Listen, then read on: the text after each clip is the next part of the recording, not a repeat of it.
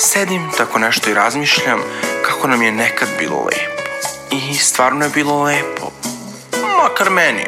Ustanem ujutru, sredim se, odem u shopping, pa frizer, pa šminka, nokti, pa malo s drugaricama na ručak, pa malo pijemo šampanjac.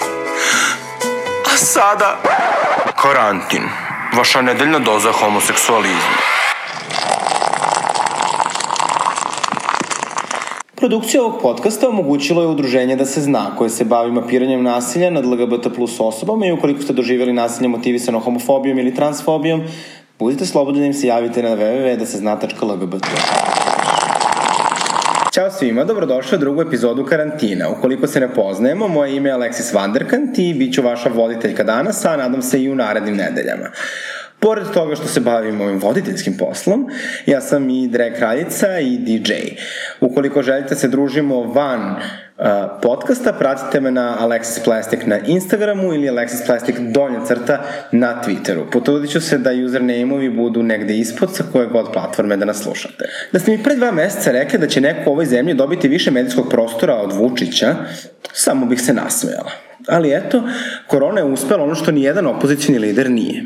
Možda bi mogli da za promjenu izaberu ženu da ih vodi. Pre nego što počnemo, hoću da podelim sa vama nešto. Mnogi su me pitali kako je pala odluka da jedna dama bude gošća u mojoj emisiji sada kada je najteže. Zato nije mogao da bude neko iz struke, ali muškog pola. Naravno, pitali su me u poštovanje prema damama vezano za rodnu ravnopravnost i tako dalje. Ali ovo je nešto najbliže ratnom stanju, pa kako to da na prvoj liniji fronta budu ne jedna nego dve žene? Ovo je naravno odlično pitanje i moj odgovor bi bio, pa baš zato žene. Naravno, u svo poštovanje prema muškarcima vezano za rodnu ravnopravnost i tako dalje. E, nju sam pozvala pod parolom Teške žene za teška vremena. Sa istom parolom i ja vodim ovu emisiju. Ona je jedna od drag kraljica sa najdužim stažom u Srbiji, ali i šire. Neki kažu da se dragom bavila i pre karamele. Ona glumi, peva, igra igrice, ona izgleda, ona je savršena žena za 21. vek. Ona je dekadenca. ok, zdravo dekadenca. Dobar dan, zdravo Aleksis, zdravo svim slušateljkama i slušalcima. Dobrodošla, draga, drago mi je da si pristala da budeš gošća u ovoj mojoj drugoj emisiji. Oh, bolje vas našli, uvijek je zadovoljstvo podržati svoje koleginice, zar ne? Naravno, složila bih se, sa istom namerom sam i tebe pozvala. Pa kako si, kako na tebe utiče ova trenutna situacija sa koronavirusom? Pa ne znam kako da vam kažem, ali ja prosto trenutno u svojoj sam samoizolaciji već mesecima u maloj vikendici na Alpima i ne znam, baš mi je teško, moram priznati, moj butler mi briše, briše suze. ne, ne, šalim se, šalim na stranu. Dakle, uh, uh, ja sam u ovoj samoizolaciji bacila se na posao, uhvatila se rada, zavrnula rukave i trudim se da stvaram što više sadržaja mogu za, moje, uh, za, za moju divnu publiku na internetu. Dakle, što bi se reklo, ima posla ko hoće da radi. Apsolutno, da, da, ima posla ko hoće da radi i ko je dovoljno privilegovan da može sebi da priušti to. Kao ja, na primjer. Molim lepo, nikada se ne treba stiditi svojih privilegija. Šta ti najviše nedostaje iz perioda pre korone? Hmm, Uh, pa, najviše mi nedostaju sve neke slobode koje smo svi mi mislili da imamo, ali koje se izgleda, ali koje izgleda nisu baš ovaj, stvarne, nego su bile neka vrsta mitologije u kojoj smo živeli, kao što je sloboda na kretanje. um, da, nedostaje mi najviše, najviše mi nedostaju moje prijateljice i moji prijatelji, to je nekako taj fizički kontakt i intimnost koju možemo da imamo sa dragim ljudima. Nekako ovaj, Nisam sigurna da li sam mislila na prijatelje kao prijatelje pa. ili na neke možda posebne prijatelje, da li to postoji neka, po, neki poseban muškarac u tvom životu ili žena? O, pa, hvala, hvala na inkluzivnom pitanju. Dešavalo se da me pitaju samo za muškarce, ali ne, nećemo da pretpostavljamo stvari, zar ne? Um, da, pa ne, ne, nema trenutno ni jedna posebna osoba u mom životu, a i znate, svi prijatelji su bliski i svi prijatelji smo svi smo mi prijatelji u bašti Božijoj, zar ne? Ili tako nešto, nisam sigurna gde sam krenula sa ovom metaforom, ali pojente je u tome da uh, uživam u svojoj samoći koliko mogu u ovoj izolaciji. Da. Nekako želim da verujem da sam sama ovo odabrala.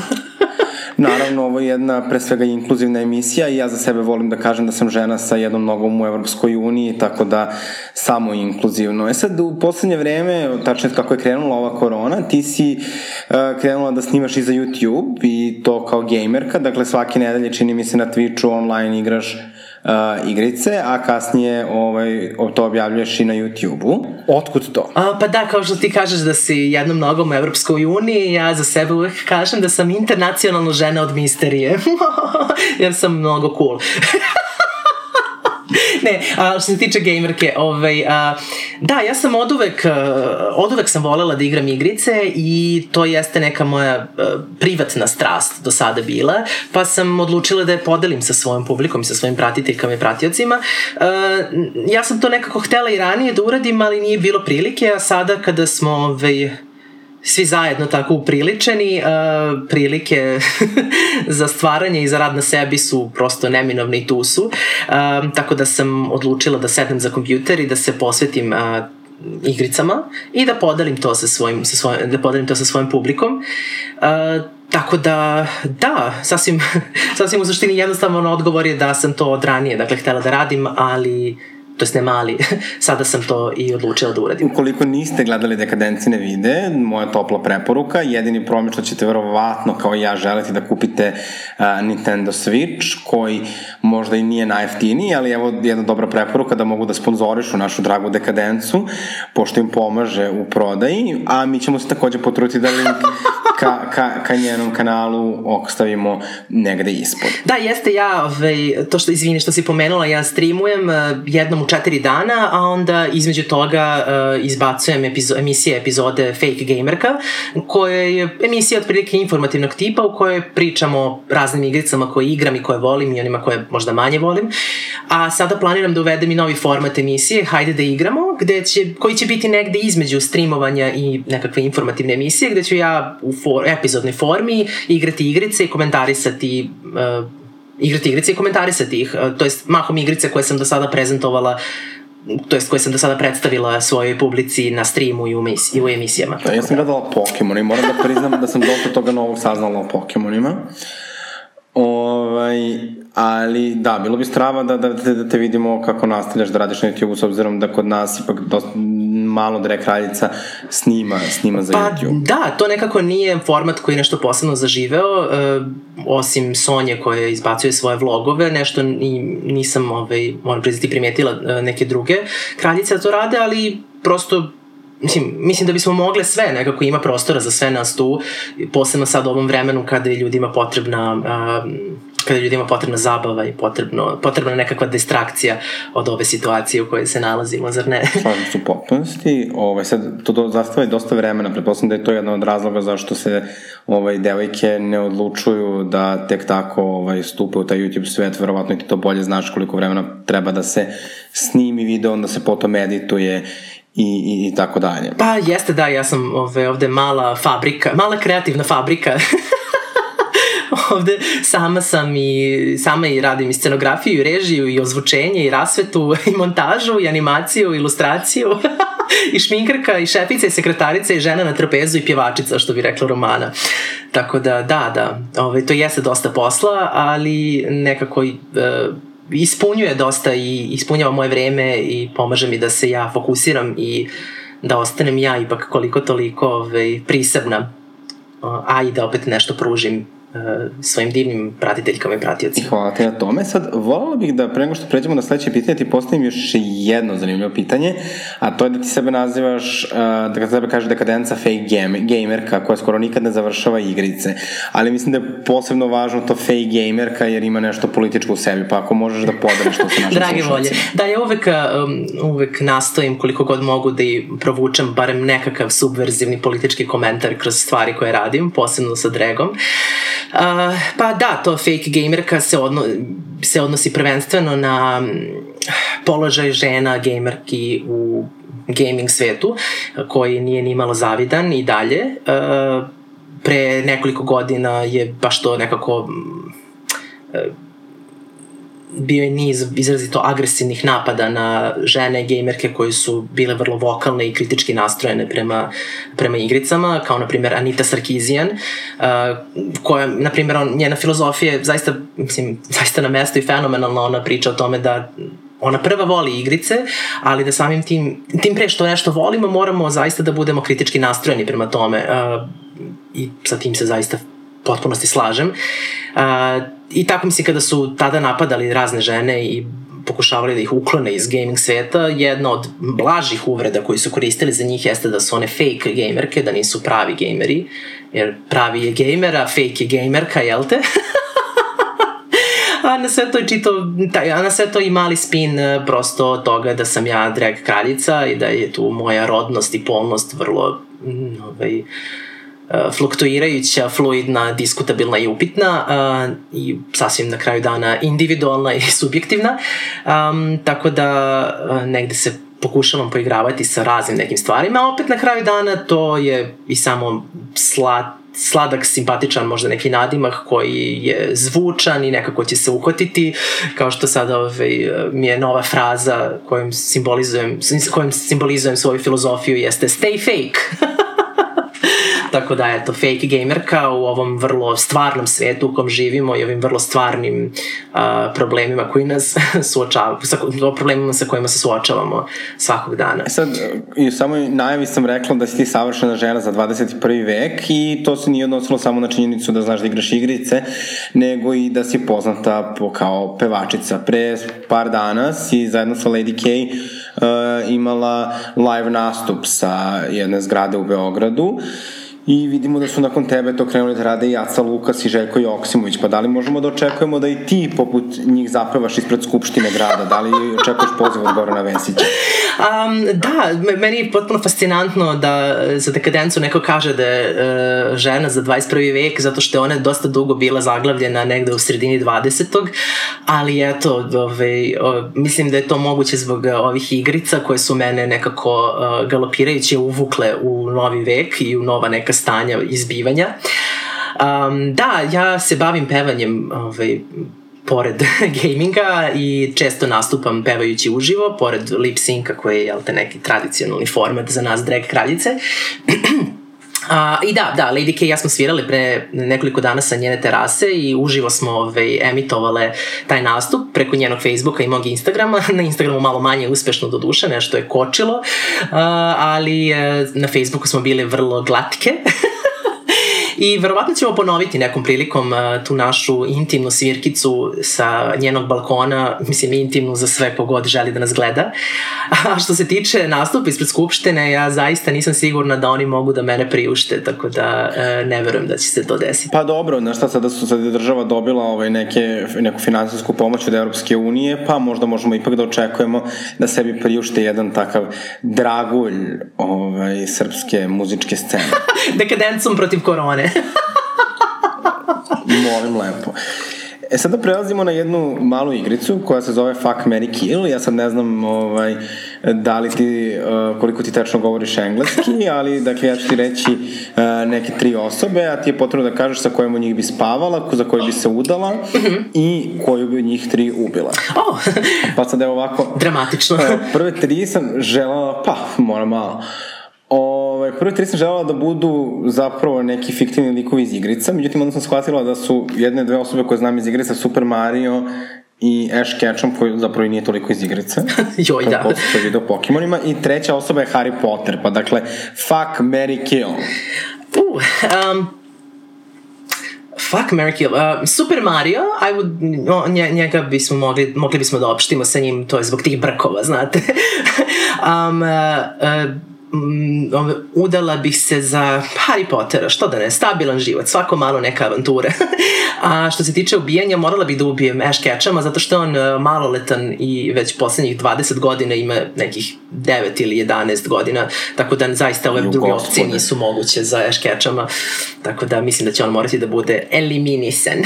ja se stvarno izvinjam, dakle, ja, ja to nisam znala, ja sam mislila da je on porastao. Ne, ne, ne, ove, on je vrlo, on, vrlo je dosledan u tome da ima 10 godina proteklih 20 i nešto koliko se serije emituje. Pa dobro, eto, Eš Ketchum i ja imamo nešto zajedničko, a to je da ne starimo. Pa apsolutno, da. Ja imam zauvek 45 godina. To su najbolje godine za ženu, znate. Ja sam i dalje ispod 40, ali ne, ne moramo o godinama, to je ipak samo brojke. Ja sad imam Apsolutno. jedno pod pitanje. Da. Da li ti je bolji frajer Super Mario ili Luigi? Ja nisam sigurna, zaista, ovaj, eh, prosto morala bih da probam. Iju. Ma da ja preferiram od tih Mario karaktera, najdraži mi je Valuigi, to je uh, zla verzija Luigija. On je nekako ima poseban um, uh, z, onako, spice. E, sada idemo na, sad idemo na nešto što je možda malo više gej. O. To su Elton John, Adam Lambert i Sam Smith. Kada su homoseksualnosti u pitanju, ja zaista podržavam ovaj, sve i svakoga, sve je u redu i sve je okay, jel tako? Da, um, od ove trojice, hm, hm, mislim da bih, hm, hm, da, ovo je baš ovaj, teško pitanje. Um, Hm. Ubila bih ja, Zašto? pa, pa moram da promislim zato to malo. Nisam baš odavno ovaj, bila u školi, znate. A, pa tako da odgovaram na pitanja. Dakle, a, a, mislim da bih ubila Eltona Johna, zato što prosto ne mogu da budu dve kraljice na jednoj šahovskoj tabli. A, Madonna likes this. um, da, uh, hm, udala bi se za Adama Lambera. Nekako on je, delo onako stameno i pouzdano. Uh, a Sam Smith i ja bismo mogli da provedemo jednu uzavrelo veče, što da ne. Jedan pozdrav za Adama Lamberta. Uh, I sada sledeća, u pitanju su tri koleginice. Da ne bi bilo više drame, ja sam izabrala da to budu ovaj, one iz Amerike. Dakle, Bianca Del Rio, pa, pa. Aquaria i Latrice Royale. Uh, hm, hm. Udala bi se za Bjanku, jer nekako mislim da, bi, da, da, mislim da je bitno da vas muškarac zasmejava ovaj, da bude duhovit, to je nekako najvažnija stavka, zar ne?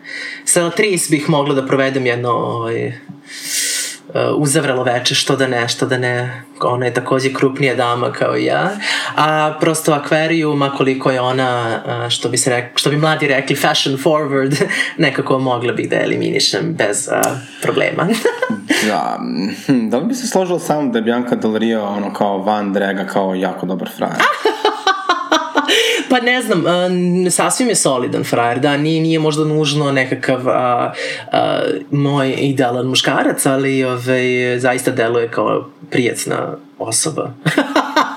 Kakva laž. Pa to sada povlači jedno drugo pitanje, a to je ko je vaš idealni muškarac? Pa ja ne znam kako da vam kažem, ovaj, da li takav uopšte postoji, da li se takav još rodio ili možda više ne živi.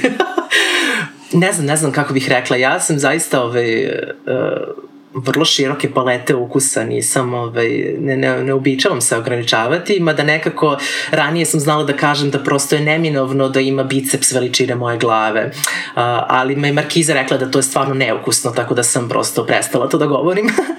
ali neki, znate, onako kao, uh, kao što su Tom Selleck i Dolly Parton u filmu Little House on Prairie, um, ne, nije Little House on Prairie, pardon, uh, The Best Little Whorehouse in Texas.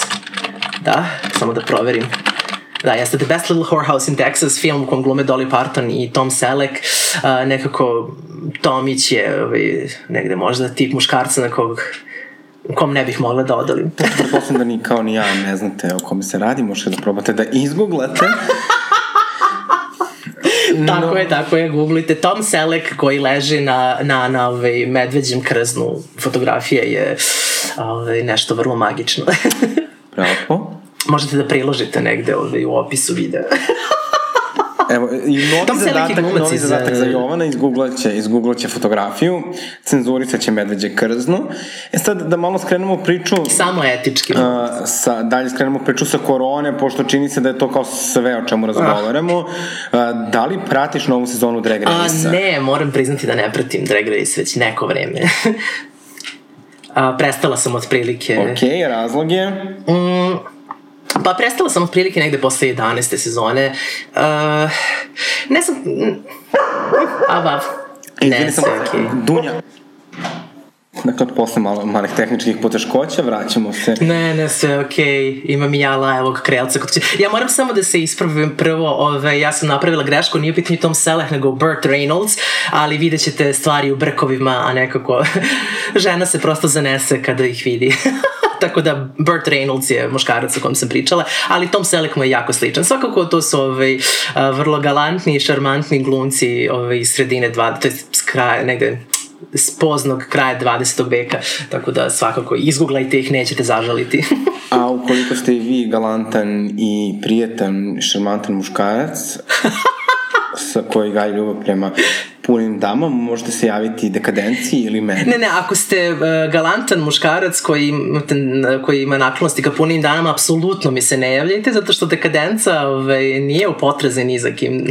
Jer dekadenca ne postoji u stvarnom životu, što mnogi ti e, muškarci koji sebe smatruju galantnim i koji nam se uporno javljaju u naše Instagram DM-ove, oni, oni potpuno greše u tome. Ovaj, tako da dekadenca je m, prosječno muškarcu sasvim nedostupna, jer dekadenca je obećana već Znači, ona je, njeno srce pripada uh, beogradskom drag kingu Zed Zeldiću Zedu.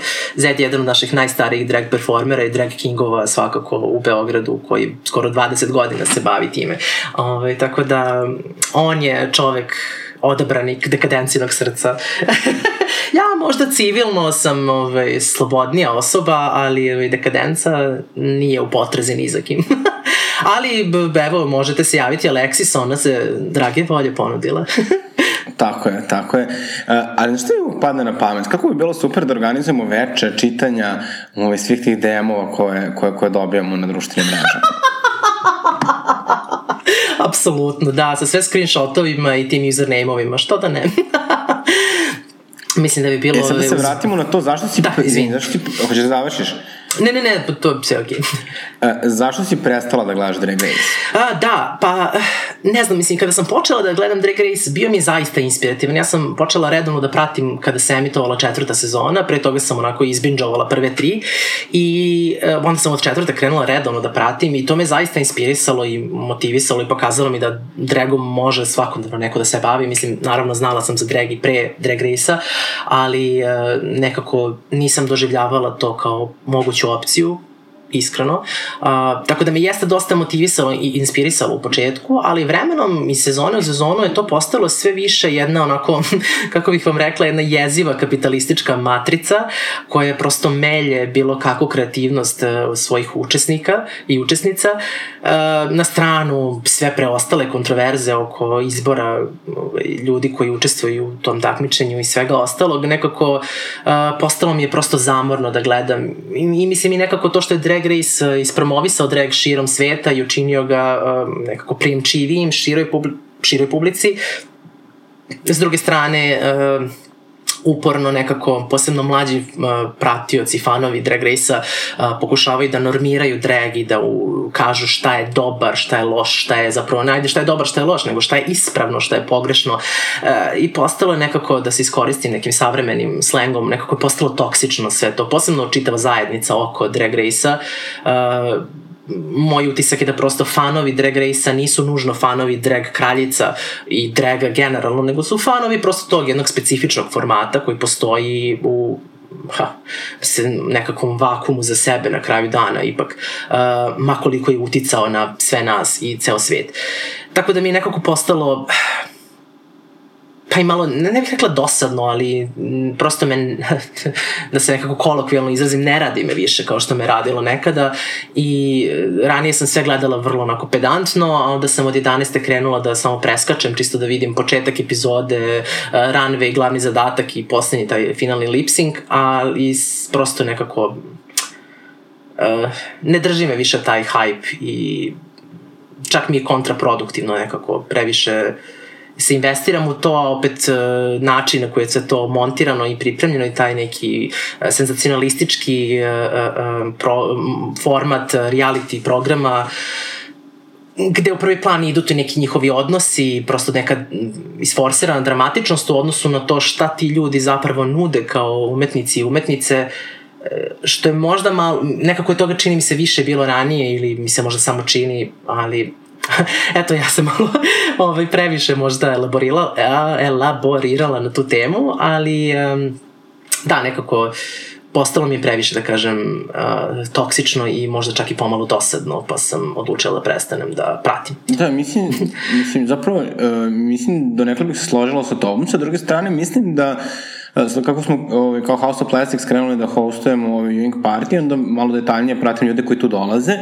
Čini mi se da oni ipak kroz Drag Race možda krenu kroz to da, da to kao podržavaju taj neki stereotip onoga što drag treba da bude koji onaj drag koji se servira u drag race ali mi se takođe čini da krenu da grade kritički stav prema njemu i da shvataju da zapravo je drag kao jedna kvir umetnost koja dozvoljava ljudima da se izraze onako kako oni žele i da možda čak nekad i na grublji način nauče da zapravo ne žele svaka kraljica da, da, da izgleda kao da je izašla iz drag race da ne žele svaka kraljica da bude u drag race. Tako da mislim da tu postoji jedna, jedna posljedna strana, ali sasvim mogu da razumem taj moment, recimo da se forsira neka fake drama, da, da ono svaka epizoda ima taj neki moment pred runway kad, kad ide tužna priča.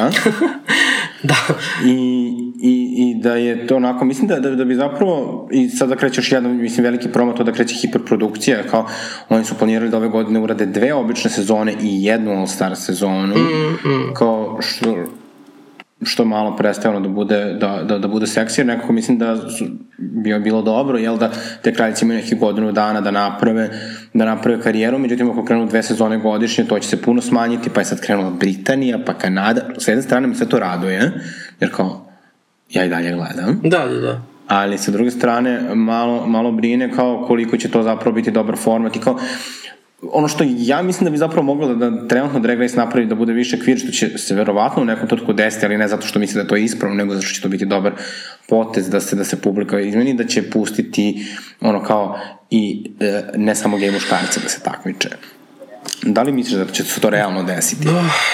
Iskreno, stvarno ne znam. Mislim, e, RuPaul je prosto ima, RuPaul koliko on utiče na sve to ima ve neku svoju anahronu filozofiju kada su te, uh, kada su te teme u pitanju uh, s kojom neko može se slaže ili ne, to je sad već druga potpuno stvar, ali nisam sigurna ovaj, njemu stvarno, mislim, očito im nije potrebno da to urade, nažalost, mislim, videli smo svi kako je u Draguli kada su uključili uh, širi dijapazon rodnih, rodnih i polnih identiteta nekako ovaj, um, kako se to procetalo, mislim, pobednikca ovaj, poslednjeg, eh, poslednje sezone Dragule, sorry, ono, spoiler alert, uh, je uh, Landon Sider koji je Drag King, jer to je sve sad vođeno čisto, čistom, čistom zaradom, mislim, čak i ako je Drag Race počeo kao neka svojevrsna parodija na Project Runway i na America's Next Top Model, uh, sa sve tim komentarom kako te serije imaju po dve, tri sezone godišnje,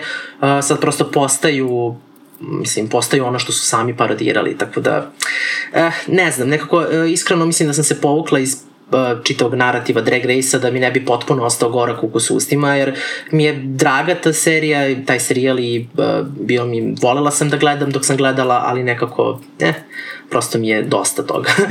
A sad što se tiče, mislim, fanova, nisam, ne, ne znam, ne znam šta da kažem, uh, kad god sam imala prilike da vidim šta i kako pišu fanovi Drag Race-a po društvenim mrežama, nekako mi se čini da je to jedno, uh, jedno nekako, rekla bih, jednoumlje, uh, gde uh, tačno prate ono kako je to kako je kako je isproducirana serija, kako je isproducirana epizoda, tako reaguju većina tako reaguje većina fanova i nisam iskreno nemam neki ovaj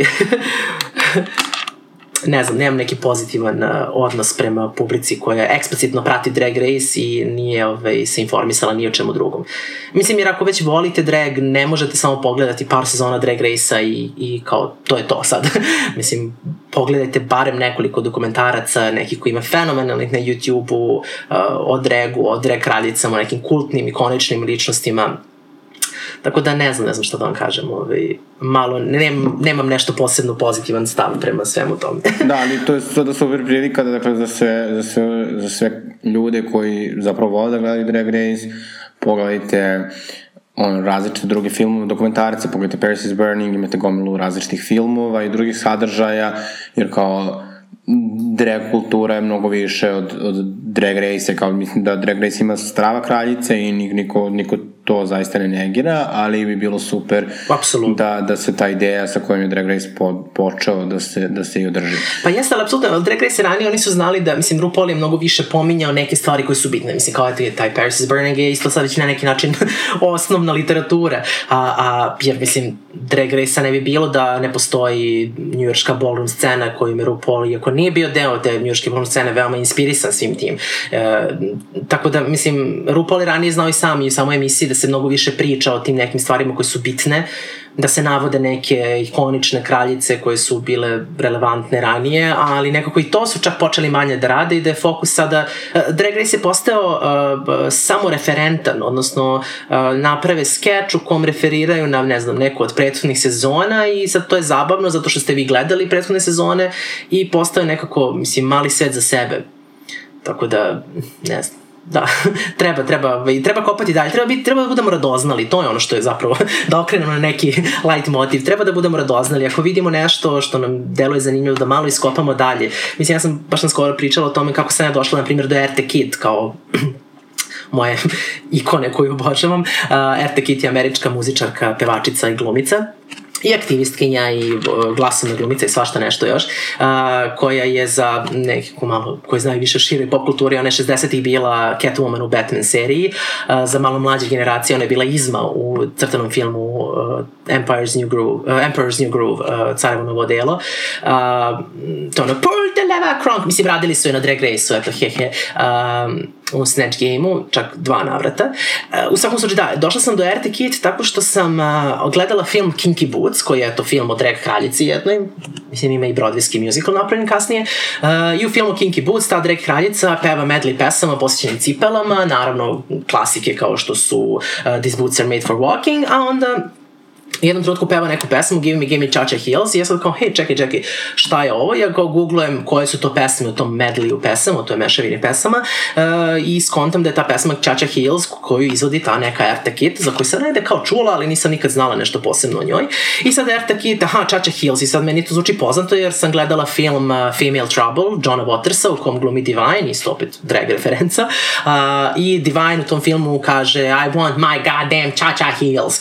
Uh, I onda ja, aha, istražim sad kako je došlo do toga da Erta peva, pa pošto je Divine preminuo, a ta pesma je napisana za Divine na osnovu njegovih replika iz filmova, onda je Erta uzela da otpeva tu pesmu i sad koja je ta Erta Kit, ja krenem da kopam i da istražujem šta je ta žena još iz, iz, šta je još ona izvodila, šta je ona sve radila i to dođe do toga da sam 2017. napravila veče posvećeno Erta Kit u kulturnom centru grada za njen 90. rođendan, koju ona nije doživela, ali bio bio je tad 90. rođendan i evo imam istetoviranu iznad svog levog kolena.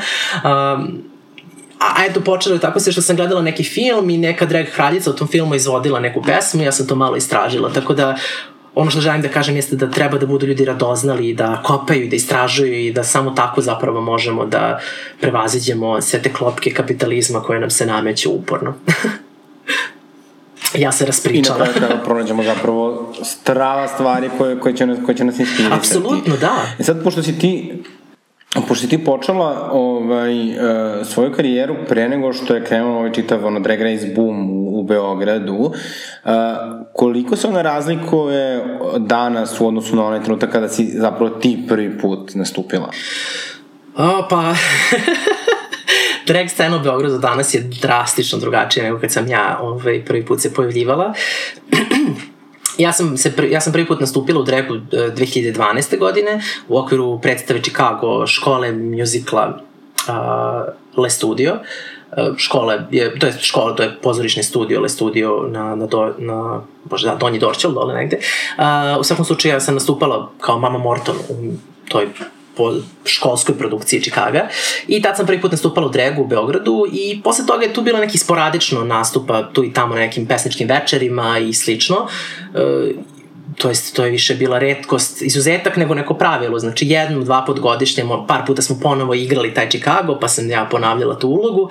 I tada u tom trenutku ja nisam znala ni za koga drugog, iskreno, uh, mislim, čula sam za Markizu, a uh, kao što sam saznala kasnije kad sam je upoznala i Sonja je bila tu, tako da u tom trenutku smo uh, bile samo nas tri i to Sonja koja je išla tako u clubbing i radila isto neke pesničke večeri i eventove, uh, pojavljivala se u Dregu, Markiza koja isto radila neke z, kulturno-umetničke, aktivističke večeri hostovala. Uh, tako da tu smo se nas tri neznajući ordinirale i kao tipa jednom, dva put godišnje, prosto povremeno smo se pojavljivali, nekako nije bilo prostora i nije bilo, mislim, prosto, na, neko, kao neki način nije bilo prostora za drag tada. I ja sam onda 2014. išla u Zagreb na jedan međunarodni festi, perfor, festival performativnih umetnosti, uh, gde sam tada tom prilikom upoznala Markizu i Sonju. I posle toga negde 2015 sam, ja sam godinu dana sarađivala s tim jednim kolektivom iz Zagreba i nakon toga sam odlučila da se ipak fokusiram na Beograd jer, jer je Sonja počela da pravi svoje žurke, Markiza je počela da Markiza organizovala prve efemerne konfesije krajem 2015. I kada su njih dve to pokrenule, ja sam se osetila zaista osnaženom da se njima pridružim i da nešto radimo zajedno i da stvaramo nešto ovde u Beogradu, jer nekako kad sam mislila da sam sama i kad sam na neki način i bila sama, nekako nisam imala dovoljno e, volje, hrabrosti, čega god, nekako motivacije da nešto sad tu posebno je pokrenem. Recimo Dajana je, Dajana Ho pokojna je imala nastup 2012. isto kad i ja, ali ona nije umeđu vremenu radila drag, tek 2016. sam uspela da je poguram malo, a, umeđu vremenu, na primjer, nisam ni nju uspela da izvučem da nešto radimo, tako da a, da, tada je to bilo nekako praznikavo i e, neobećavajuće. Međutim, kako je to krenulo da se zahuktava sa svojim žurkama, sa efemernim konfesijama, onda je Le Studio ponovo postavio Chicago 2016. ali kao redovnu predstavu na repertoaru, koja sam bila prava glumica. I tada je počelo da se zahuktava i da nekako imate nekakav drag sadržaj u Beogradu malte ne jednomesečno, što je onako wow i šokantno bilo u tom trenutku. Uh, I to je sve i dalje bilo pre nego što je Drag Race doživeo boom, jer ovde je uh, recimo u Hrvatskoj se znam da su oni mnogo ranije nekako zagrizli za Drag Race tu već negde oko šeste, sedme sezone kad se emitovala, a ovde je tek ti viewing partiji su krenuli kada je bila deveta sezona, uh, kada se emitovala deveta sezona.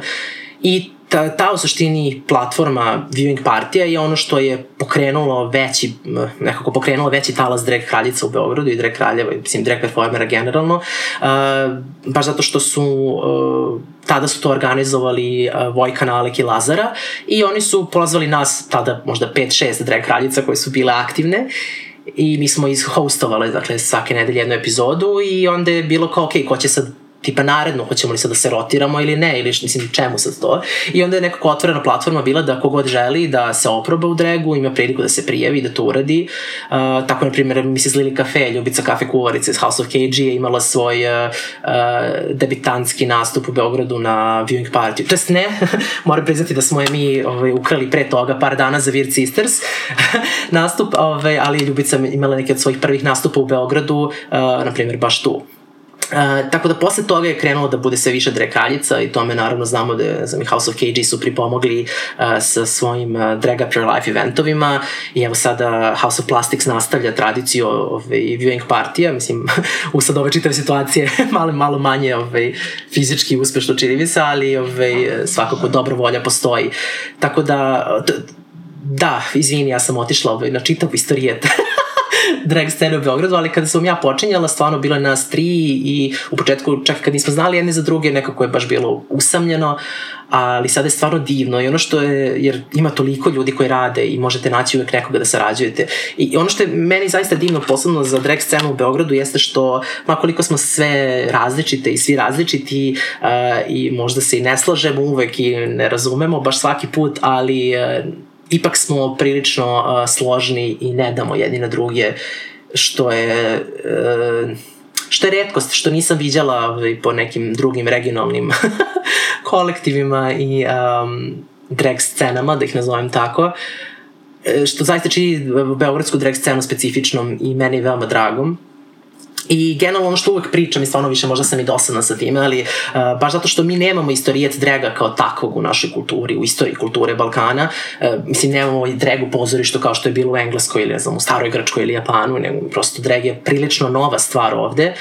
I pored toga što se svi mi nekako neminovno oslanjamo na uh, te neke uh, anglofone, američko-britanske reference, ali opet nekako mislim da zaista stvaramo nešto prilično specifično i da treba da se držimo toga i da težimo tome da stvorimo nešto koliko god je moguće autentično na ovim prostorima. Sad sam ono neka motivaciona govorkinja, ali zaista to mislim jer baš imamo priliku, mislim to što si pomenula kako je, se priča da sam nastupala možda i pre karamele, to stvarno nije istina, nećemo preterujemo, ali realno pre nego što, ne znam, smo mi krenuli tu nešto da radimo 2015. tu pre nas je postojala Viva la Diva, uh, drag kraljica koja je ranih 2000 tih nastupala, ali i ona je sporadično, ona je mučenica tek, tek potpuno bila sama tada i ona je tu sporadično nastupala A pre toga šta? Mislim, imamo uh, karamelu zaista koji je neki primer uh, nekakvog drega, moramo se složiti sa tim. Uh, uh, pre toga je možda tu bila Merlinka i mislim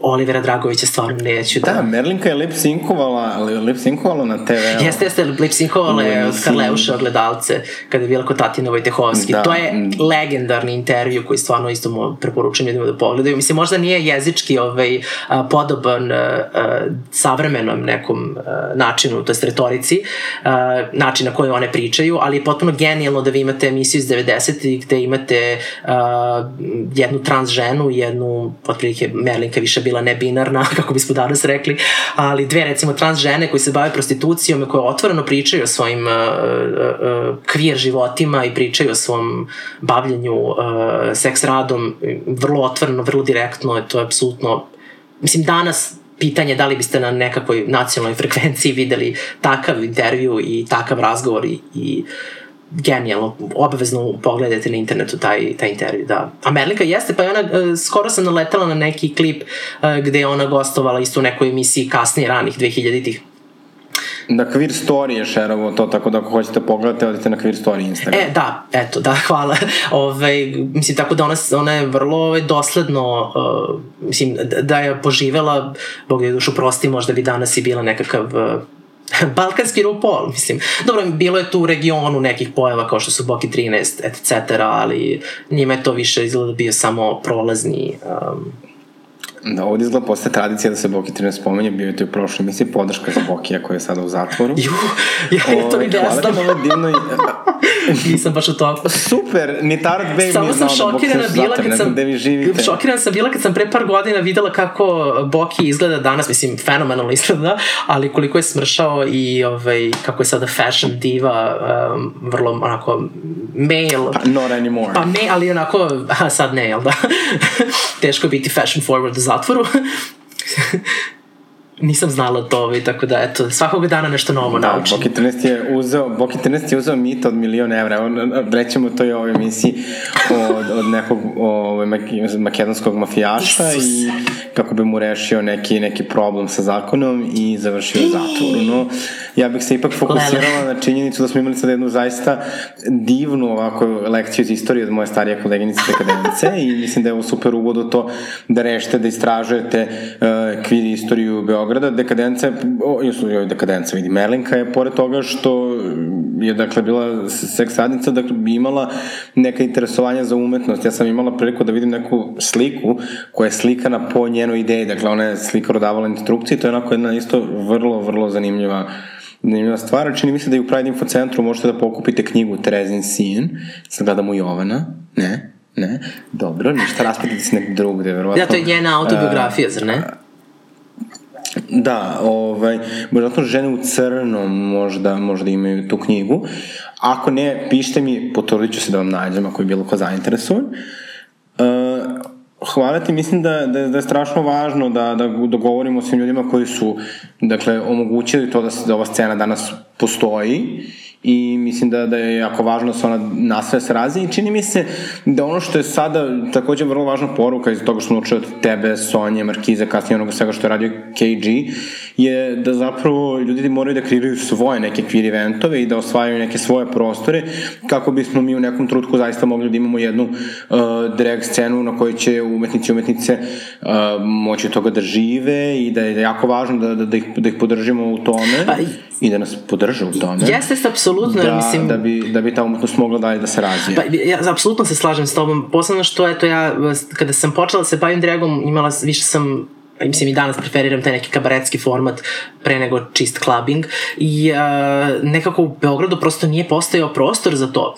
Tehnički ne postoji ni, ni sada, ali nekako eto kulturni centar grad nam je uh, nekakva ovaj, surogat pomajka po tom pitanju i tamo smo najviše nekih uh, programa, najviše nekog programa pravili, ali nekako da, dok nismo sami negde zagrizli i progurali se uz pomoć naravno svih silnih prijatelja i s pomoć te, mislim na kraju dana uz pomoć čitave publike koja je dolazila i naših prijatelja koji uh, su zaista bili uvek vrlo mešovita jedna ekipa i nije nužno ovaj, uh, ne nužno samo, ne znam, kao kvir. Evo sad ja imam laveže za sebe. imam ja lavog krelca. I u suštini ta mešovita publika koja je od uvek bila tu sa nama je ono što nam je pomoglo i dalo prilike, jer mi, mi smo na kraju dana zabavljači svi i šta smo mi bez publike, realno. Naravno, i zato ne zaboravite da ove, podržite sve kraljice koje volite, tipujte ih i idite na njihove događaje. Apsolutno, a dok ne idete ha. na njihove događaje, možete da nas podržite preko Patreona i Paypala.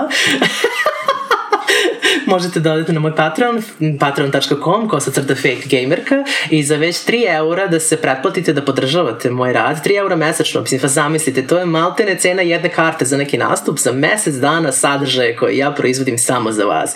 A na paypal.me, kosa crta fluidna lasica, možete da napravite nekakve jednokratne donacije i da podržite moj rad ovim teškim izazovnim vremenima.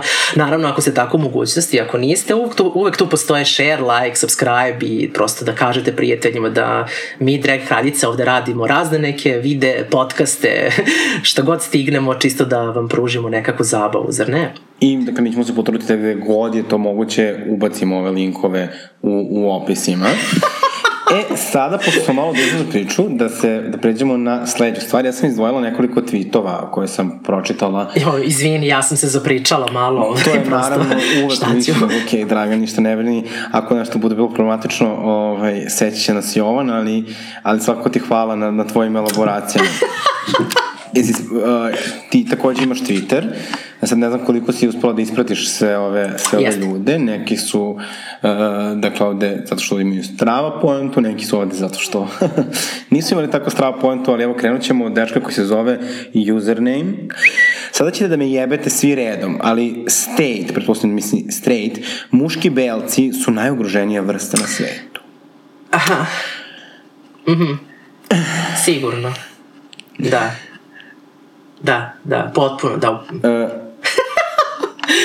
ne znam. E, Pretpostavljam da to zato što su muškarci tako češće silovani ili ih verovatno na razgovor za posao pitaju uh, da li planiraju da zatrudne ili ako su izgledaju lepo na, na, na bilo kom pojavljivanju ljudi komentarišu kako ste pretarano dotrali, a ukoliko nisu, onda zašto nisu.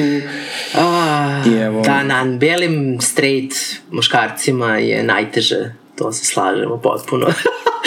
ne bih se menjala s njima nikad koliko im je teško. Ne, to je strašno, mislim, ovaj, takvi ovaj, besmisleno opšte mestaški stavovi, znate šta, prosto takvih izjava će uvek biti, mislim, to je kao i oni nesrećni vicevi o plavušama, prosto, uh, ne znam, mislim, nadam se da neće biti, nadam se da ćemo jednog dana evoluirati u društvu koje je prevazišlo uh, patrijarhat i mizoginiju, ali ovaj, u ovom trenutku možemo samo da se nadamo i da radimo na tome.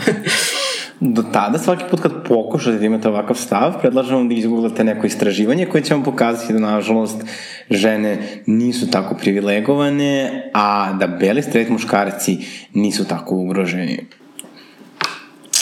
Mm. To je istina, da. Pa, mislim, prosto samo mom, mom činjenica da uh, to što je neko beli svet muškarac ne znači da vodi super život i da je njemu jako lepo i sve da ide kako treba, ali u odnosu na, ne znam, queer osobu ili na ženu ili koja je u sličnoj poziciji kao on, definitivno je bolje tom I belom I neće mu biti teže u životu zato što je beo, straight ili muškarac. Možda mu bude teže zbog toga što je siromašan, osoba sa invaliditetom. Apsolutno, da. I, i tako dalje. I to apsolutno nije nikakav poziv na mržnju prema straight muškarcima, dakle to je samo ukazivanje na to da neki od nas imaju više, neki imaju manje privilegije i da ukoliko se svi udružimo i budemo solidarni, svima će nam biti lepo. Da se uhvatim svi za ruke i pevamo kumbaja. Ako mogu da kraljice... Ako smo mi uspeli ovde da se pomirimo. E sad, sledeći tweet je tweetovala devojka koja zove Mašinka. Uh, kaže, internet neće stati dok ne počnu da naplaćuju svaki jebeni klik na telefonu. Majku vam jebem, toliko para omlatiste sve ove godine i sad na svakoj aplikaciji jebeni oglas. Mrš u PM. Pa mislim da je ovo kapitalizam, pa da je, da je ovo više ovaj, tvoja sfera. Ali ja nisam, kad sam pročitala, nisam, dok nisi ti tako ove, lepo dramski odglumila taj tweet, nisam baš razumela šta je devojka htela da kaže. A pretpostavljam se ona žali na to što su prosto reklame u svakom segmentu da, ove, našeg života, da, Ili da? Na to ona da, misli? Da, da, zato što bukvalno sada sve, gotovo 90% aplikacija moraš da oplatiš da ne bi imao reklame, drugih platformi kao što su YouTube, i tako dalje. Joj da, to jeste, to jeste jezivo, ne pomažu više ni ad blokeri, majko, ni, ni travari, ni lekari, to jeste strašno, mislim, ovaj, ovaj pozni neoliberalni kapitalizam u kom živimo, uh, ajde što će on pojesti sebe, ali usput vrlo onako žvaćka sve nas, uh, tako da ne znam, ne znam, ja uspevam da se spasim donekle sa nekakvim ad blokerima na, na kompjuteru, ali već na telefonu nema adekvatne zaštite od reklama I to jeste zaista, na momente zaista poražavajuće. To je kao oni momenti e, što su bile priče za uh, svetlosno zagađenje od bilborda i kako su u nekim zemljama zabranjeni bilbordi koliko je to prosto uticalo pozitivno na psihu ljudi što su zabranjeni bilbordi. Ali ovaj, ovde za sada je uh, čitava teritorija, mo, ne primjer, mobilnih telefona nije ovaj, toliko uh, istražena ili da definisana svakako nekakvim pravilnicima i zakonima očito, tako da oni svi divljaju sa reklamama što nije uopšte ovaj, veselo. Mislim, kao što, ne znam, sam saznala uskoro, kao, saznala uskoro, kao što sam skoro saznala da uh, čitav sistem ocenjivanja igrica o tome da li su one pogodne za koji uzrast je nastao kada je nastala igrica Mortal Kombat, zato što je 92. kada je izašla prva igrica, koja je bila previše krvava i onda, sad kada sam radila istraživanje za svoju emisiju, pa sam došla i do te informacije, i pošto je bila toliko krvava i nasilna, to je dovelo do toga da uh, naprave odbor koji će određivati koja je igrica za koji je uzrast. Mislim, zamislite da prosto, iako je pre toga na deseta godine postojala industrija i video igara, nekako nije postojao sistem za ocenjivanje pre toga. Tako da nekad ti sistemi, mislim sad koliko su ti sistemi dobri i korisni, to je već upitno, mislim kao što znamo za problematične sisteme u Hollywoodu za ocenjivanje filmova i tako, ocenjivanje filmova u smislu za koji su uzrast i koju publiku, to je sve ovaj, vrlo upitno, ko, ko tu sedi, ko tu dramu režira. Ali mislim da, sad sam opet otišla na neku tangentu, ali mislim da bi bilo korisno da se nekako uh, sankcionišu te sve silne reklame na mobilnim uređajima, na primer, Mislim, to, to je potpuno suludo, mislim, te telefone koristimo skoro svi svakodnevno jako puno. I mislim, to je prosto zagađenje tim reklamama. Mislim da čak to postoji kao neki termin u sociologiji ili tako negde, da, to, kao mm, advertisement pollution ili tako nešto. To je stra, baš jezivo. I mislim, na, tu najmanje negde problem ispadne u tome što te kompanije zarađuju, mislim, one zarađuju svakako, a i čak troše na te reklame, ali ove, nego što prosto smo mi do te mere bombardovani da je to sasvim suludo. dakle, okay. pozivamo na reformu kapitalizma. Oh, pozivamo na ukidanje kapitalizma. Pa dobro, sad kako ko? I na ukidanje pa... ja kao, ja kao, kao liberalka ne bih složila drugarice. Pa dobro, ja sam ovaj, salonska anarholevičarka, tako da ja prosto moram ipak da, ako ništa ovako virtualno, zastupam svoje ovaj, ideologije. Ali evo mi kao jedan divan primer dijaloga između različitih političkih ideologija. I? Apsolutno, mislim, Nichiren Daishonin, budistički sveštenik, je govorio da je dijalog najbitnija forma za bilo kakav razvoj i rast čovečanstva, tako da slažem se. Sledeći tweet je jedan od mojih omiljenih ovaj, gay twitteraša. Radi se o seljančuri, i neke znaju kao Gabriela, odnosno ga znaju kao Gabriela. Kaže, pokušavam da sastavim... Pa ko ne voli seljančuru? Molim lepo. Mislim, ja, no, molim lepo, molim ti. A, pokušavam da sastavim ormar na Ikeinom sajtu i dolazim do zaključka da me ipak sve mrazi i da sam za sve nesposoban. Pitanje dekadenca i sad veliki test tvojih privilegija. Da li si ikada pokušala da sastaviš nameštaj iz Ikea? Nisam iz Ikea, ali da li se, uh, uh, kako se zovu oni? Um, Emeceta? Da, ne, ne, ne, ne, još gore. A, da li se forma ideale računa? naravno, naravno. sastavljala sam neki njihov um, sto za kompjuter i to je bilo agonično i onda smo konačno završili i sve je bilo zapravo kako ne trebaju na pačke pa smo morali da rastavimo i da idemo iz početka. Uh, to je, da, sastavljanje tih stvari koje su, ovaj, treba da mi stignu skoro stolica za kompjuter i iskreno ovaj, uh, baš se, baš strepim od tog trenutka kada će doći jer treba i nju sastaviti. Ali dobro razumem da ljudima ovim ovakvim trenucima ove, prosto nije do toga da rade stvari i to je sasvim u redu. Mislim, nismo dužni da sad svi ove, aktivno radimo na sebi, fizički ili mentalno. Prosto mislim da je bitno da svi, koliko, da se potrudimo koliko možemo da preživimo a, psihički i fizički ovaj period i da nekako sačuvamo ovaj, zdravlje mentalno i koliko, makar mentalno zdravlje sačuvamo koliko možemo. Pa šta god bilo potrebno za to. Ako ne možemo sastavimo ormar iz Ikea-ma, dođemo s njim, prosto od, odremajmo malo pa ćemo možda moći. Ha, da budem iskrena, meni je trebalo jedno dobri dve nedelje da sastavim krevet iz Ikea, ali bože moj. Ja verujem da je to ovaj poduhvat koji zahteva više ljudi, onako kao zidanje. Ali dobre stvari, da, zapravo zahteva da, da bude, mislim, bar dvoje, pošto ima nekih stvari koje se drže, ali dobre stvari zapravo na YouTube-u postoje video tutoriali koje ljudi snimaju, jer kao to uopšte nije tako lako i kao ko kaže da je lako laže. Pa verujem, verujem, ali ti dobro je da postoje na YouTube nekakvi sadržaj koji nam pomažu, zar ne? Naravno. A, obavezno se subscribeujte na Dekadenci YouTube kanal. Mother Dekadenci. I idemo na poslednji tweet. Aha. Poslednji tweet uh, koji je tweetovala Lamu. Kaže, gej profili na Twitteru su gej profili na Twitteru su bolje informisani nego predsednik države. Zle femice su jednostavno spremne na sve. I sad onda kaže, a, ma to je Mitar iz Krušumlije, on je dve godine bio sa Zlatkom iz Sremske Mitrovice, pa je otišao u Nemačku kod strine da radi par nedelja pre nego što se vrati, lavio u horoskopu i ne voli Boraniju, ali dobro jebe. Dakle, da li podržavaš teoriju da će fem uh, gej muškarci vladati svetom? Joj, pa da, mislim da fem gej muškarci već vladaju svetom ovaj, to jest svi ovi što vladaju svetom su mahom fem gay muškarcima, da se to možda i ne zna. Tako da mislim da je svakako vreme za žene da vladaju. da li to dekadenca zna nešto što mi ne znamo? ja sam bila... Sad ide muzika iz dosija X. da, ja sam bila posvuda, znate, legende kažu da, da, da, da živim već nekoliko stotina godina, tako da... I've been around. I've spread La Mer on my toast. I'm share, bitch. Ove, što bi rekao, rekao Chad Michaels. I sada, I sada jedan Drag Race reference. Pa eto, malo, malo, što da ne, da ne budem baš ovaj potpuno negativ Nancy ovaj, kada Drag Race u pitanju. I naravno, e sad, pošto ovaj, su naravno ovaj, jedna emisija koja ovaj, zastupa jednu opšto informisanost, ja sam i napravila jednu selekciju najvažnijih vesti iz prošle nedelje, koje bih volao da s tobom prokomentarišemo. Pa, evo, ovaj, Novak Đoković se izjasnio da je protiv vakcinacije. Ne znam da li si ispratila tu, tu, tu novost. Nažalost, jesam. Ove, imam mnoštvo teoretičara zavere u svom domu, tako da sam čula sve što treba i ne treba o tome. I stvarno sam prijatno iznenađena da ove, doktor medicine Novak Đoković daje takvu izjavu, tako da... Ali dobro, Novak ima, Novak ima, Novak ima ovaj, jednu drugu simpatičnu stranu, on je vegan, tako da eto, ovaj, oh, kada, wow. pošto čini mi se, čini mi se da se da, da je danas ovaj pokušao da ima neko ono non-apologetic izvinjenje. A, ovaj, mislim, vegani su da, poznati po tome što su svi nužno dobri ljudi zato što su vegani, jel tako? naravno.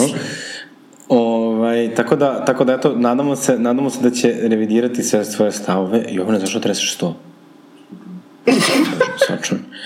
Ovaj, Uh, okay. Pa dobro, ne da, mora da, nužno da, da revidira svoje stavove. Svako ima, što kaže, mišljenja su kao anusi, svi ih imamo i najčešće smrde već sad to prevođenje. A što bi rekla Borka Pavićević, nema svako pravo na svoje mišljenje i nije sve što ljudi kažu mišljenje. Apsolutno. Ne, šalim mislim, se, ali ja verujem da ipak ovakve... Ne, ne, ovakve... htetoh reći da može svako da kaže šta hoće, ali to ne znači da treba da ovaj, shvatamo previše ozbiljno to što je neki sportista ili glumac, glumica ili neko u ko zaista nije referentan, pa čak i neki doktori nisu uvek referentni da kažu neke stvari.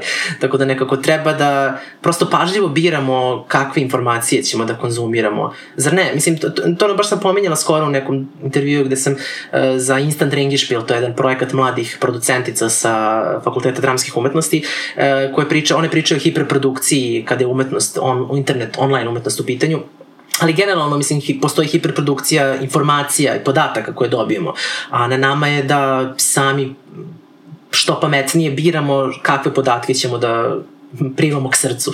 Tako da, mislim, jedan uh, Novak Đoković sasvim ima platformu da priča šta god želi, ali na nama je da sve uzmemo sa dozom predostrožnosti šta god neko priča, zar ne? Da preispitamo sve. Slažem se, slažem se. Mislim da sa druge strane malo problematično kada to kažu ljudi koji imaju velike uticaj. Mislim da, da nekada stvarno treba da ono, ostavimo ljudima koji su stručni da, da, da, da, da zapravo nam objasne neke stvari i da se detaljnije informišemo, ali nažalost živimo u svetu gde zapravo teoretičari zavere mogu da vam pružu odličnu argumentaciju i dovedu vas u zabludu, zato ja bih predložila da slušate svoje lekare. E sad, ono što možda još nije odjeklo da. u medijima u ovom trenutku, ali sam sigurno da hoće, jeste da je Muamer Zukorlić ovaj, pričao o koroni na, na jednoj televiziji sa nacionalnom frekvencijom, koju zaista ne bih ni spominjala, i između ostalog za, za koronavirus optužio LGBT zajednicu i gej paradu. Ali zar nisu to neke ono... B, b, mislim, pokušam da sročim rečenicu. Um, mislim, to su... Uh, Izvini, malo meni poneste reči, ali mislim, kad god, se de, kad god se desi nešto loše, uvek se okrivi, postoje neke grupe koje se uvek okrivljuju, a to su najčešće na ovim prostorima LGBT zajednica i Pride. Mislim, nekako, zar nije više izlizano, kao što god se loše desi, a krivi su homoseksualci, etc. Mislim, kao, come on, ono. Zar nije bilo na priča da je vada negde u neki sveštenik Filohije, čini mi se rekao da je zato što je Končita pobedala, znači da je kraljica. Ove, a da su bile da, poplave, da, da, da. Ne, ne to, nego sad skoro oko korone neki da, sveštenik inostrani rekao kao da je to zbog homoseksualnosti, homoseksualnosti, ali onda je on par dana kasnije se ispostavio da je zaražen. Mislim da, to, mislim da je to zapravo fake news. Uh, sad ne znam šta od te dve stvari nije tačno, ali znam da je nešto toga se ispostavilo kao, kao, kao fake news takođe. Ali da, nije... nije pa eto, proveravajte svoje upravo, vesti. ali nije redkost da, da se ovakve stvari, da se ovakve stvari budu izgovorene od strane verskih lidera i mislim da to pa da, da. jeste vrlo problematično jer... Hvala, setila sam se šta sam Recimo. htela da kažem. Dežurni krivci, prosto to je fraza koja mi falila, dežurni krivici, što god nešto ne valja u tom nekom efemernom um, meta svetu kao što je religioznost, prosto uvek možete okriviti nekoga ko je etiketiran kao grešnik i to su dežurni krivci, u tom slučaju su, je čitava LGBT zajednica posebno na ovim ovim prostorima koji su izrazito i duboko patrijarhalni, gde bilo kakva nenormativnost je grešna i problematična i samim tim ako nekoga decenijama i vekovima etiketirate kao pogrešno nešto, onda ih možete koristiti kao dežurne krivice za bilo kakav problem. E sad, ovaj, hvala Bogu, pa u ovoj državi postoji institut govora mržnje, postoji poverenica za rodnu ravnopravnost i mi se nadamo da će uz podršku organizacija koja se time bavi, tačnije nam se organizacijom da se zna, ovaj, on biti sankcionisan za, za, za ovakve stavove i za širenje mržnje, pogotovo da, u obzir, ako uzmemo u obzir to da dolazi iz dakle, ekstremno homofobične sredine gde smo, čini mi se, prošlog leta mogli da vidimo uh, onako vrlo, vrlo odvratne reakcije na, na, na priču o tome da će se tamo održati gej parada. Dakle, izašlo je nekih 200 ljudi, da. pretilo smrću i, i, i slično verski lideri bi trebalo ipak da znaju da ako već ne šire ljubav, bar ne šire mrž. Da, i ne znam koliko tu imamo da se zahvalimo Bogu na svemu tome, ali hajde de.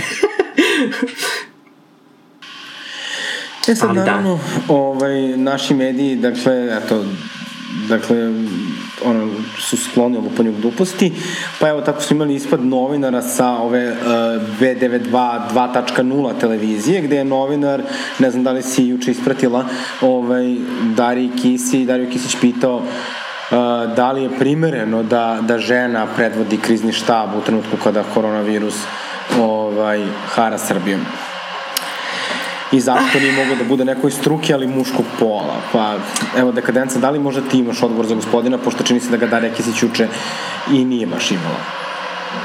Ja potpuno razumem zašto ona nije imala odgovor. Iskreno, ja koja nisam u svom svakodnevnom životu žena, pa sam ovaj, prilično umorna više od te količine uh, mizoginije, generalne mizoginije tog ovaj, toksičnog patrijarhata i svega što je oko nas i nekako ja prva ne znam šta bih odgovorila više, te, te, to pitanje do te mere uh, uh, prevaziđeno i da kažem glupo, da prosto potpuno se osjećam sa nekim ko, sa njom koja nije imala odgovor na to, jer šta, šta odgovoriti na tako pitanje, kada je to prosto uh, jedno pitanje koje te hvata u, u hvatate u neku klopku da ti se nešto objašnjavaš i da ti edukuješ nekoga o, o ne znam, o prosto rodnoj ravnopravnosti i svim širim temama, to je stvarno više dokle, mislim, ono, pročitajte knjigu. Čini mi se da ona zapravo vrlo adekvatno odreagovala, iako nije dala odgovor, dakle, možda na konkretno pitanje, e, dakle, ona se nije ni nasmijala i rekla mu je samo da to nema nikakve veze kog je nekog pola, nego da ima veze sa ekspertizom. I, A, dakle, pa dobro. Evo, da, izvini, ja, ja do duše reagujem na ovo što si mi ti ispričala, ja nisam ispratila baš da, potpuno. Ako nisi ispratila, izvini. Ne, ne, ne, da, sve okej. Okay. Da, Pa dobro, onda, pa, onda, onda onaj gif reakcija, pa dobro mu je rekla. što, da, što bi rekla da, Dara Bumara, pa dobro je rekla. Da, da. inače moja najava je bila kao referenca na to, tako da je to. ne, stvarno više ne znam, ono, ja, valjda što živim u nekom svom balonu, okružena vrlo progresivnim i, i ove, otvorenim ljudima i onda nekako zaboravim na to da živim u svetu koji je takav i da i lete gospodnjeg 2020. i dalje moramo iznova da nekim ljudima objašnjavamo neke stvari o kojima uh, se pričalo još pre 50, 60 i više godina, mislim, u smislu pričalo, pričalo se o jako, mnogo više pre toga, ali onako aktivno se priča poslednjih jedno pola decenije, mislim, počeo od Simone de Beauvoir, mislim, za, za, za, čiju knjigu kažu da je prevaziđena, ali ja nekako, kada se okrenem po Srbiji, po Beogradu posebno, ovaj, zaista ne vidim ovaj, koliko smo prevazišli išta i koliko, to jest koliko tek treba da se borimo ovaj, za, za za rodnu, za ravnopravnost i za, za, za, za ravnopravnost svih marginalizovanih grupa. Tako da, zaista, ovaj, ah, kao no comment, što bi se reklo. Ne, ne, zapravo ne, nemam komentar, nego je potpuno besmisleno, ne znam. Ne znam u kom to... Ma da opet kao nije sad samo Srbija i samo Beograd, to, nisu, makoliko neke zemlje delovale možda naprednije, takve stvari se dešavaju svuda širom sveta i dalje, nažalost. Samo što možda neke zemlje imaju malo bolje sisteme da sankcionišu ovaj, takvu... Evo, upravo sam na to htela da se referišem, dakle, važno je da dakle, postoji sistemska, sistemske sankcije za, za, za, za ponašanje koje je, dakle, bilo koja vrsta govora mržnje, dakle kako god da, da, da je usmerena ili da, da, da je samo neko seksističko postupanje. Da. Dakle, da. vrlo je važno da imamo društvo koje će da osudi nešto tako, jer, dakle, mi ako bismo krenuli kroz sad istoriju seksizma na srpskim televizijama ili u srpskim oh. medijima generalno, oh. dakle, ona je poprilično debela, evo samo prošle nedelje je Vučićević prozivao novinar koja je jedan da je debela, Ah, tek to. Žena bukvalno, pritom žena bukvalno samo što nema trbušnjake ovaj, i šerovanjem sliku kupaćem. Ovaj, I dakle, to je ono što je konstantno, dakle, ako je žena debela, zašto je debela, ako je mršava, zašto je mršava, ako je lepa, zašto je lepa, ako da, da, nije, zašto konstantno nije. politiziranje ženskog tela, apsolutno, to je jezivo. Mislim, to primećujem, mislim, mislim, to je recimo što je jedna od problematičnih strana drega, mislim, gde uh, većina, te drag kraljica su nekakvi biološki muškarci ili šta god, većina se svakako tako identifikuje, uh, koji preuzimaju nekakve ženske uloge i onda uh, time, samim tim im, to je već implicitno komentar na žensko telo i mislim da je velika odgovornost na nama kao drag kraljicama, drag performerkama, performerima, da vrlo budemo oprezni i promišljeni u tome šta i kako radimo i šta i kako pričamo, zar ne?